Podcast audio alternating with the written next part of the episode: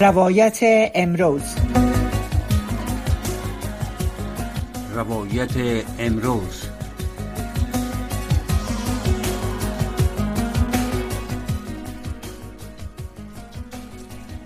بینندگان و شنوندگان محترم سلام.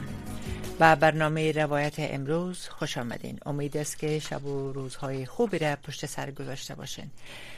طبق معمول روزهای سهشنبه برنامه روایت امروز بر وضعیت در مجموع روی وضعیت زنای افغانستان اختصاص دادیم. میتیم امروزم و یک مهمان خانم داریم در برنامه خود. در از زمان و قدرت رسیدن طالبان همطور که همه شاید هستند جهان شاید است که طالبا مکاتب دخترها را مسدود نگاه کردن بالاتر از سنف شش البته. و از امو زمان به بعد آیسته آیسته اعتراضات خانم ها شروع شد در ولایات مختلف افغانستان که تا کنون ادامه دارد. از جمله در کابل در ولایت هرات در مزار همچنان در تخار. خانم های تخار اخیرا و ادامه دادن و مو اعتراضات خود و خواستار بازگشایی مکاتب و معلوم دار پوهنتون ها یا دانشگاه ها شدن. در برنامه امروز ما از یکی از خانم های ولایت تخار دعوت کردیم که بیان و سر فعالیت های خود صحبت کنن. سر از که خواستشان دقیقا چی است در چی وضعیت قرار دارن آیا تانستند که اینا با مقام های طالبان صحبت کنن چی امرایشان صحبت های داشتن نداشتن امید، امیدواری هایشان چقدر است؟ در برنامه هم گفتیم از خانم برشنا خراسانی. خانم برشنا خراسانی رئیس انجمن اتحاد و همبستگی بانوان ولایت تخار است و اینا همچنان یکی از معلمین بود که درس می‌دادن اما بعد از اینکه طالبات تصمیم گرفتن که دانشگاه ها را بسته کردن برای دخترها فعلا و این معلمین گفتن که دیگه اینا با کار خود ادامه نمیتن. البته ببینیم که وضعیت از خانم از بانو خراسانی در کجا درس می‌دادن و چی رقم از در چه حالت است. فعلا وضعیت از اونا. خانم خراسانی سلام به شما. خوش آمدین به برنامه. تشکر. سلام به شما و به شنونده های عزیز و آرزو دارم وطنانم در چی در افغانستان و خارج از افغانستان هستن. صحت و سلامتی نصیبیالشان باشن. دیگه سلامت باشن. تشکر. خانم خراسانی در اواخر دیده شده که شما یکی از صداهای رسا هستین در اعتراضاتی که دخترای ولایت تخار راه اندازی می‌کنن. می‌خوایم از شما اول بپرسم که در خواست عمده شما از طالبا چی است؟ خب خواست ما از طالبایی است که اگر مبارزات اینا مبنی بر دستور دستورات و ارشادات اسلامی است که میگن ما حکومت ما حکومت اسلامی است اینا هم ادعایشان نمی است که حکومت ما حکومت اسلامی است. و ما مطابق شریعت الهی عمل می‌کنیم. خب پس بیاین اونم چیزی را که اسلام دستور داده بیاین واقعا عمل کنن. اما اینا متاسفانه در تضاد با چیزی است که در خلاف با چیزی رفتار می‌کنن که دیگه قرآن او دستور نداده. ببینین اولین دستوری که خداوند داده طلب علم طلب علم است برای مرد و زن مسلمان. که متاسفانه اینا همو سری ستیزه با تعلیم و تربیه دختران گرفتن. خب ما چگونه یا باور کنیم و اینا را بگوییم که دیگه اینا باعثی پیشرفت افغانستان میشند یعنی عملکرد خودشان رفتار سختگرانه خودشان باعث شده که زنها در مقابل ها استاد و خواست ما است که ما باید با مو دستور خدا باید اما گفتار مردم بر گفتار زنی افغانستان اگر عمل نمی‌کنن بیان به آنچه که خداوند خودش در قرآن کریم گفته و ذکر کرده اونمو را بیان عملی کنن. دیگه اگر ما مطابق خو اگر اعتراض کردیم بر علی آنچه که خداوند گفت اگر اعتراض کردیم و بازی اینجا بگوین که زنی افغانستان واقعا اعتراضاتشان خلاف شریعت است. درست متاسفانه اینا به هیچ خاصی از زنه افغانستان توجه نکردن. اینا مطور که شما برشنا جان می‌فهمین از ابتدا طالبا گفتن که موقتا مسدود می‌کنن مکاتب سر میکانیزم کار می‌کنن و آخرین چیزی که البته گفتن نمیست که سر نصاب درسی گفتن کار می‌کنن. نصاب درسی که یعنی از در گذشته بوده او را اینا اسلامی نمی‌دانن. میگن سر از او کار می‌کنه و حدود 18 ماه شده از به قدرت رسیدن. طالبا بدون شک ده 18 ماه دخترها از درس و تعلیم خود هم در مکاتب هم در دانشگاه ها که تازه بسته کرد چند ماه میشه ماندن. آیا مایره شما البته معلمم خود درس خواندین معلمم بودین. اول ایره می‌خوایم از شما بپرسم که آیا اون نصاب درسی که در مکاتب بود تدریس می‌شد غیر اسلامی بود؟ نه خیر. اینا خود چیزایی که میگن واقعا گفتهایشان عجیب و غریب است. در افغانستان افغانستان الحمدلله یک جامعه اسلامی است و تمام معیارهای آموزشی که قبلا بود تمامش اسلامی بود. من خودم که در مکتب بودم در مکتب خصوصی البته من تدریس می‌کردم. دیگه دخترای جاب اسلامی داشت یونیفرمش هم که یونیفرم مطابق معارف و همچنان مطابق با تمام ارزش های اسلامی بود. دیگه کدام مشکلی نداشت البته دخترها جدا بود بچه ها جدا بود کلاس درسیشان. ولی ایجاب اسلامی را رعایت می‌کنن ولی این که اینا یک بهانه است همگیش به خاطر از اینکه اگر ببینیم در سال 96 هم یا به این بهانه که تا ملاحظه تاخیر مکاتب بسته است اینا قبلا کار کرده بودن. بالاخره ما تا 2001 تا پایان سقوط طالبا اینمو روند ادامه داشت. دیگه دخترها مکتب نمی رفتند که طالبا سقوط کرد. و اینمو وضعیت فعلا است. اینا هم کارشون ادامه دادن. فعلا هم قدرت به دست گرفتن. به این بهانه که تام رسانی ما به خاطر از اینکه ما زمینه مناسب فراهم کنیم و زمینه را اسلامی بسازیم تمامش یک بهانه است. و اینا از زنان به ابزار به خاطر منافع سیاسی و شخصی خودشان استفاده دارن. بله. خانم بریشنا جان آیا شما در اونجا در تخار امرای مقامات طالبان در بخش معرفه یا حداقل هر آن کسی کسی که اوج سخن گوز که صحبت می‌کنه موفق شدین تانستین که تماس بگیرین امرشان صحبت کنین بگوین خواستایتانه؟ نه خیر متاسفانه. به خاطر از اینکه اینا حتی روداری گفتگو با زنان اینا ننگ می‌دونن. دیگه اینا تا هنوز حاضر نشد. ما چندین بار است که اعتراض کردیم. خب اعتراضات ما رسانه ها شاید است که دوبار سه بار سرکوب شده تا برای ما اجازه اعتراض داده نشد و چندین باری هم که در ما موفق شدیم اعتراض کردیم. اینا ما خواستیم به مقام ولایت بریم. بیان با ما همو طالب والی طالبا یا کماندانش است حاضر شوند خواسته هایی که ما داریم دیگه اینا بشنون ولی متاسفانه حاضر نشدن. اینا حتی قبلا هم گفتم گفتگوی رو را با زنان نن میدنن ولی که زنای افغانستان به خاطر خواستن حق و عدالت صدا بلند می‌کنن مجبور میشن صدا بلند می‌کنن صدایشان تمام کشورهای اسلامی و غیر اسلامی که است کشورهای کفری که است میشنون. دیگه ها و فریادی زنای افغانستان که به خاطر فقر و بیچارگی به خاطر محرومیت و مظلومیت به خاطر شکنجه طالب بلند میشن از این شرم ندارن. اگر واقعا اینا ننگ دارن باید نمو خواسته های و خواسته های زنها تمکین کنن. حقوق انسانی و اسلامی که دارن دیگه امور برشون بودن تا که زنها صدا بلند نکنن.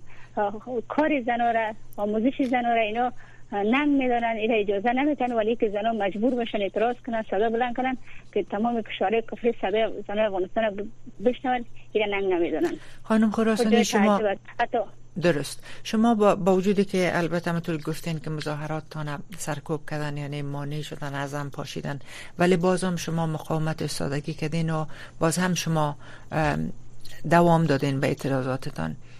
بیم ندارین ترس ندارین دخترایی که می‌برن روی سرک از اینا؟ از طالبان. نه خیر به خاطر از که زنه افغانستان زنه 20 سال پیش نیست.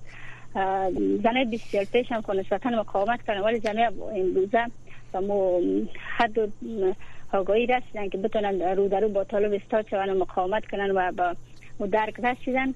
دیگه ما اصلا ایراس نداریم. اگر تا زمانی که طالبا به های زنان تمکین نکنیم و این مبارزات خود ادامه میتیم خوشبختانه این مبارزاتی که در تمام ولایت افغانستان نقصان ولایت سمت شمال یعنی تخار البته و اعتراضات خودکش زنان نشانی از بیداری و استادگی زنای و آگاهی زنان امروز است.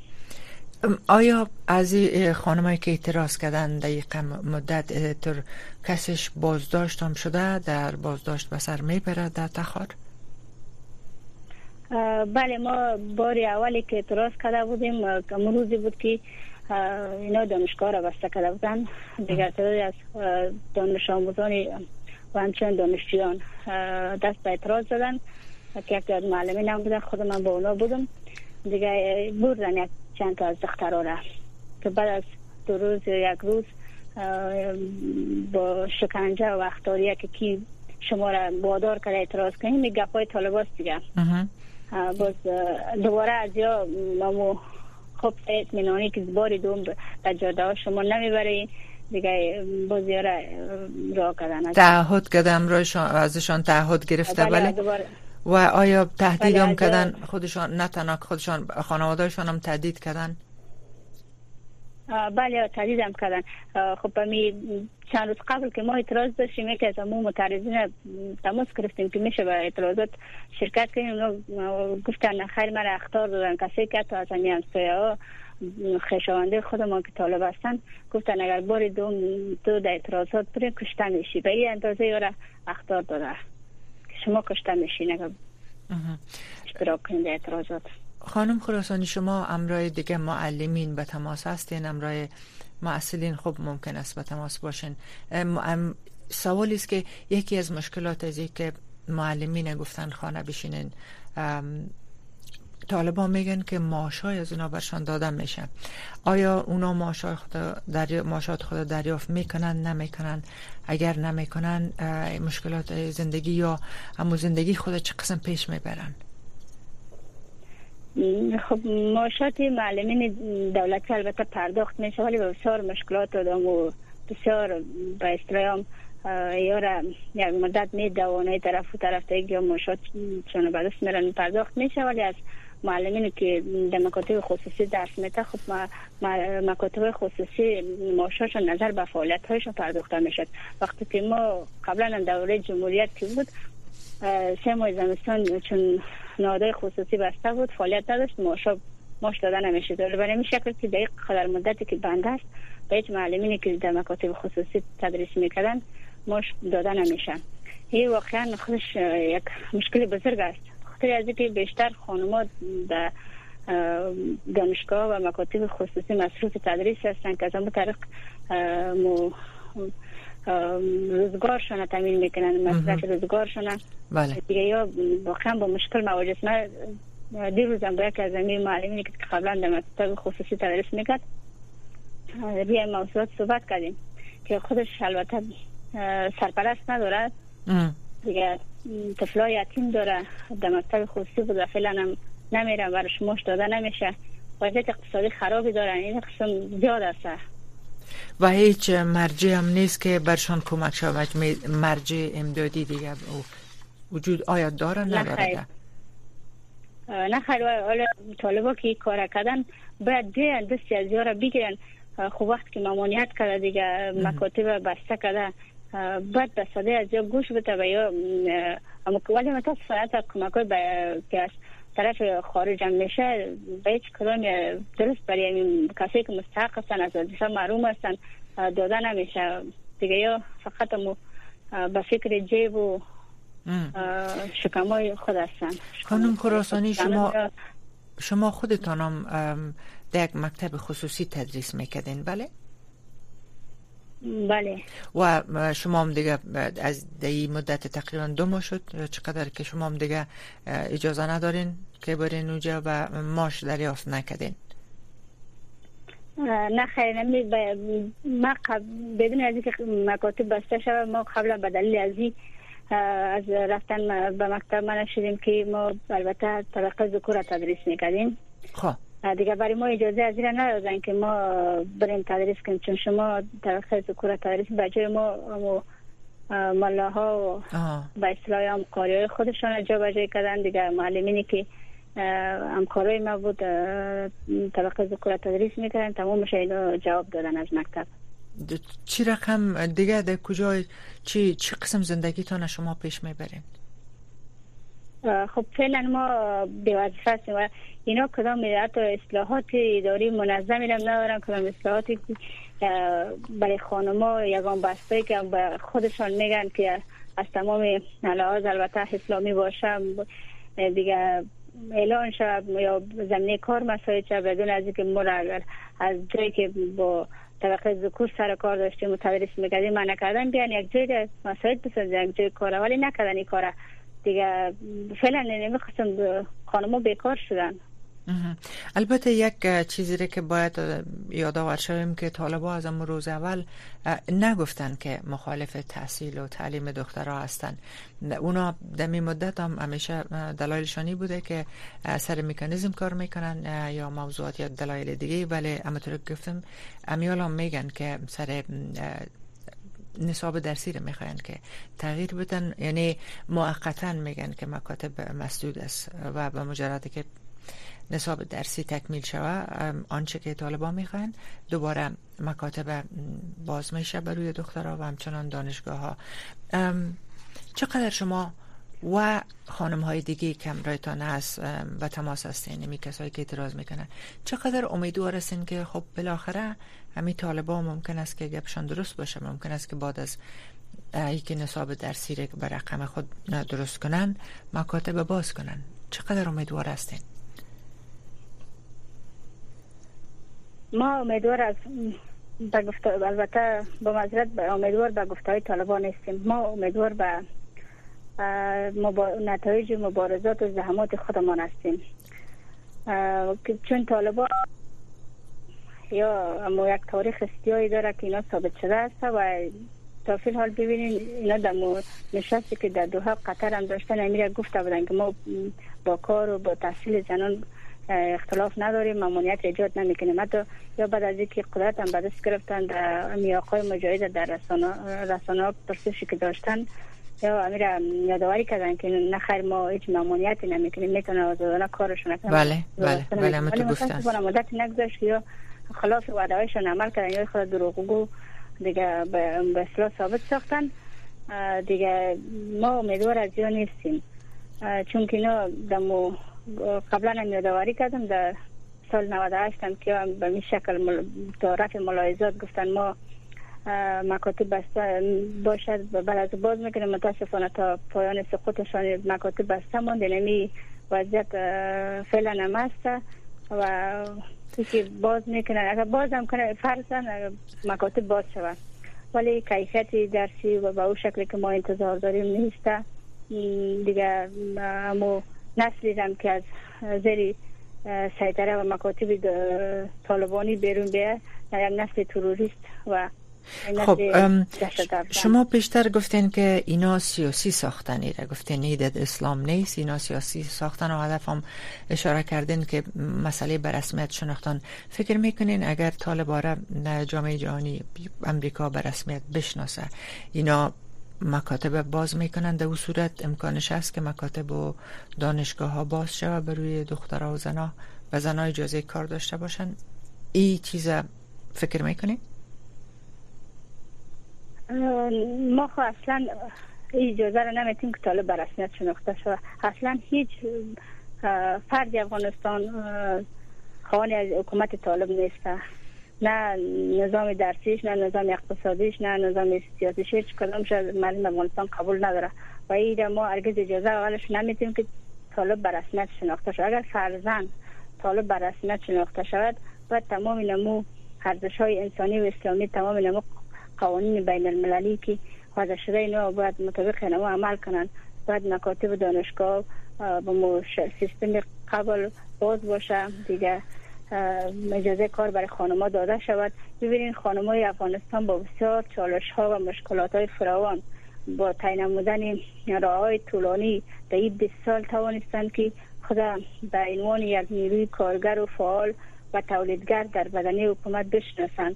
که اول متاسفانه با کار آمدن طالب های تمام از بین دستن و اگر به این شکل دوباره زنا بتونه فعالیت کنن دیگر دستاوردهایشان حفظ شود ممکن. ولی متاسفانه نمیشه. خیلی ممکن است و اجازه را دیگر زنی افغانستان نمی‌تونه که طالب رو بشناسن خانم بله. تغییر پذیر نیست. خانم بلشنا جان شما خب یک عده تحلیلگران به این معتقد هستند که میگن که یک روحیه زن ستیزی در بین طالبا در پیش گرفته یا در بین طالبا حاکم است شما بر علاوه بحث خانم های تخار بر علاوه که خب مکاتب بسته است دانشگاه ها بسته است و خانم هایی که کار می‌کردن قبلا یک تعدادشان البته نمی‌تونن که به کار خود برن. غیر از ایتر خودتان احساس زن ستیزی را کردین از طالبا مثلا در جاده ها مبراین مبراین میرین پشت سودا یا کار یا جای. احساس کردین در مقابلتان برخوردهای نادرست صورت گرفته. شما امی, امی که میگن زن ستیزی موجود است. این چیز شما احساس کردین خودتان. خب طالب طالب بینان یک گروه زن ستیز. دیگه ما تاریخ ثابت شده دارن و اینا ثابت شده هستند بله رفتار اما آنچه که در رفتارشان هستند یا را ثابت ساختن که زن ستیز هستند اینا اینمی روزی که قدرت به دست گرفتن که با زنان اختلاف سر اختلاف باز کردن تا فی الحال. ببینید حتی در جاده های شریعت چک پاین میندازن زنان را اجازه نمیتن. ما خودم برخوردیم به اینمی عملشون چندین بار که در مقابل من اینمی قسم رفتار کردن اجازه ندادن. ما تو با درسم برایم بدون محرم حتی خودم ما از را باز گشتوندن که اجازه ندادن. دیگه اینمی چک پاین هایشان اینمی خشونت هایشان اینمی رفتار زشت ناپسندشان روزمره را وجود داره در مقابل زنای اینمی رفتارشون داره اینا در چک پاین گفتین که شما را استاد می‌کنه یا استاد کرده ازتان پرسیده که کجا میری؟ بله؟ بله پرسیده ما گفتیم مکتب میریم. دیگه ولی چرا محرم نداریم خوبی که نمیشه که مثلا ما دیگر برادر از پدر خود از کار بانیم و بازیاره با خودمان ببریم. خواهی یک طالب یک دیدگاه بسیار کوچک و یک دیدگاه خب. بسیار دیگه. شما یکی دو هفته قبل در راه اندازی های امی اعتراضات داشتین و خواست های از جامعه جهانی داشتین. خواستتان چی است از جامعه جهانی؟ آیا و اول سوالی است که آیا تا آنچه که تا حال جامعه جهانی انجام داده مورد قناعت شما قرار نگرفته؟ چی می‌خواین از جامعه جهانی؟ نه خیلی جامعه جهانی به هیچ صدا به هیچ یک از صداهای زنی افغانستان گوش ندادن متاسفانه. دیگه نمی خاموشی جامعه جهانی زنی افغانستان واقعا نگران ساخته. فقط جامعه جهانی تا کاری که کرده با لفظ نکوهش کردند دیگر نگرانی ابراز کردند. ولی متاسفانه در عمل هیچ کاری برای زنی افغانستان نکردند. بیان این امیر در عمل پیاده کنند. در عمل بیان زمینه کار زمینه فعالیت ها زمینه آزادی را برای زنی افغانستان وقتاً در عمل انجام بتن متاسفانه هیچ کاری نکردن و این خاموشی جامعه جهانی برای زنی افغانستانی را به منای قبول قیودات و از طالبان دیگه در مقابل زنان است. ما این به معنی قبول از یا می‌دانیم. اما خانم برشنا جان اونا خاموش ننشستن. اونا می‌بینین که همواره هر روز حیعت هایشان میایه اینا صحبت می‌کنن. امرای طالبا خود شورای امنیت نشست های داشتن تمام کشورهای منطقه. همین مسئله که تا اینا رو به رسمیت نشناختن. خودش به این مفهوم است که اینا خاموش ننشستن. البته خواستایشان زیاد است. مثلا نژاد حکومت مشمول مثلا خب حقوق زنا مکاتب اینا. ولی بیشتر شما میره متوجه هستین میشنوین می‌بینین که بیشتر تاکید سرمی مکاتب دخترها سر دانشگاه ها سر کار زن هست که بر از اینا اجازه داده شود. دیگه اینال طالبا خودشان یک حکومت هستند دیگه جامعه جهانی چی می‌تونه میگن عملی بکنه؟ چی باید بکنه؟ عملی یعنی چی؟ خب تالی اگر طالب بر رسمیت شناخته نشه میره فشار درست است که جامعه جهانی ولی فشار در کل نمی‌تونیم فشار جامعه جهانی را بدم ایره از مبارزات استادگی زنای افغانستان است که زحمات خودشان است که جامعه جهانی هم مجبور است که نشناسن. و جامعه جهانی صلاحیت داره.